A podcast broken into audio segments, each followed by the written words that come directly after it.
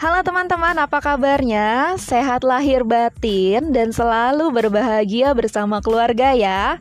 Kita ketemu lagi di cerita Intan.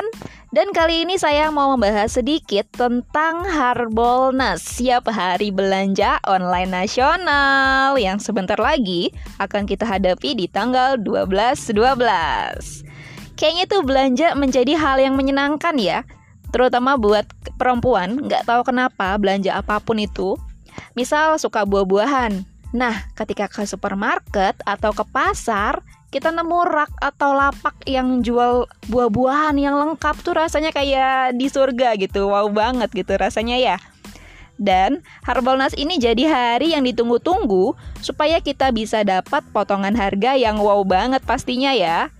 Nah, kita baru dengar kata diskon aja itu udah seneng banget ya nggak sih? Apalagi dengan nominal diskon yang wow-wow banget gitu ya. Seketika bisa berubah loh. Artinya, barang yang tadinya cuma pengen doang, jadi berasa butuh banget, ya nggak?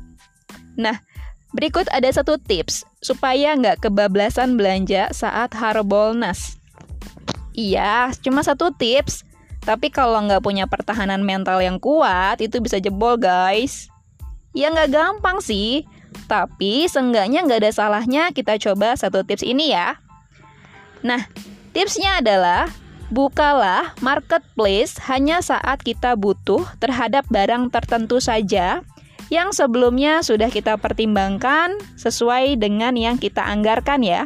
Jadi kalau cuma kepo doang, mending nggak usah buka-buka deh atau scrolling-scrolling. Kecuali kalau teman-teman punya kekuatan super yang tahan godaan diskon gede-gedean.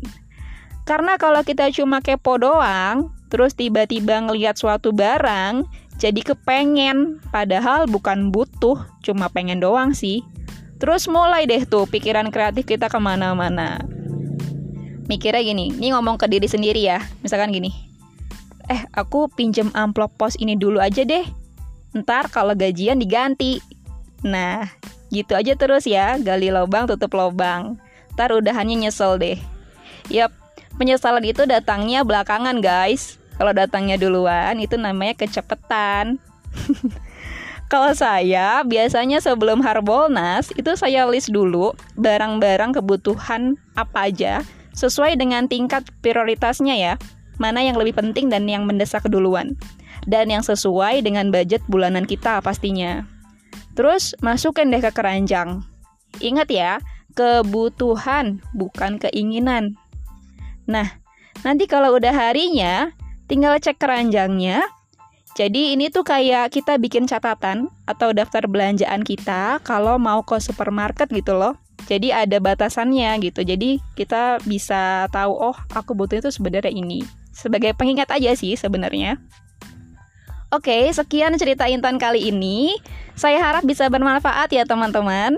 Sampai ketemu lagi di cerita Intan selanjutnya. Terima kasih, bye bye.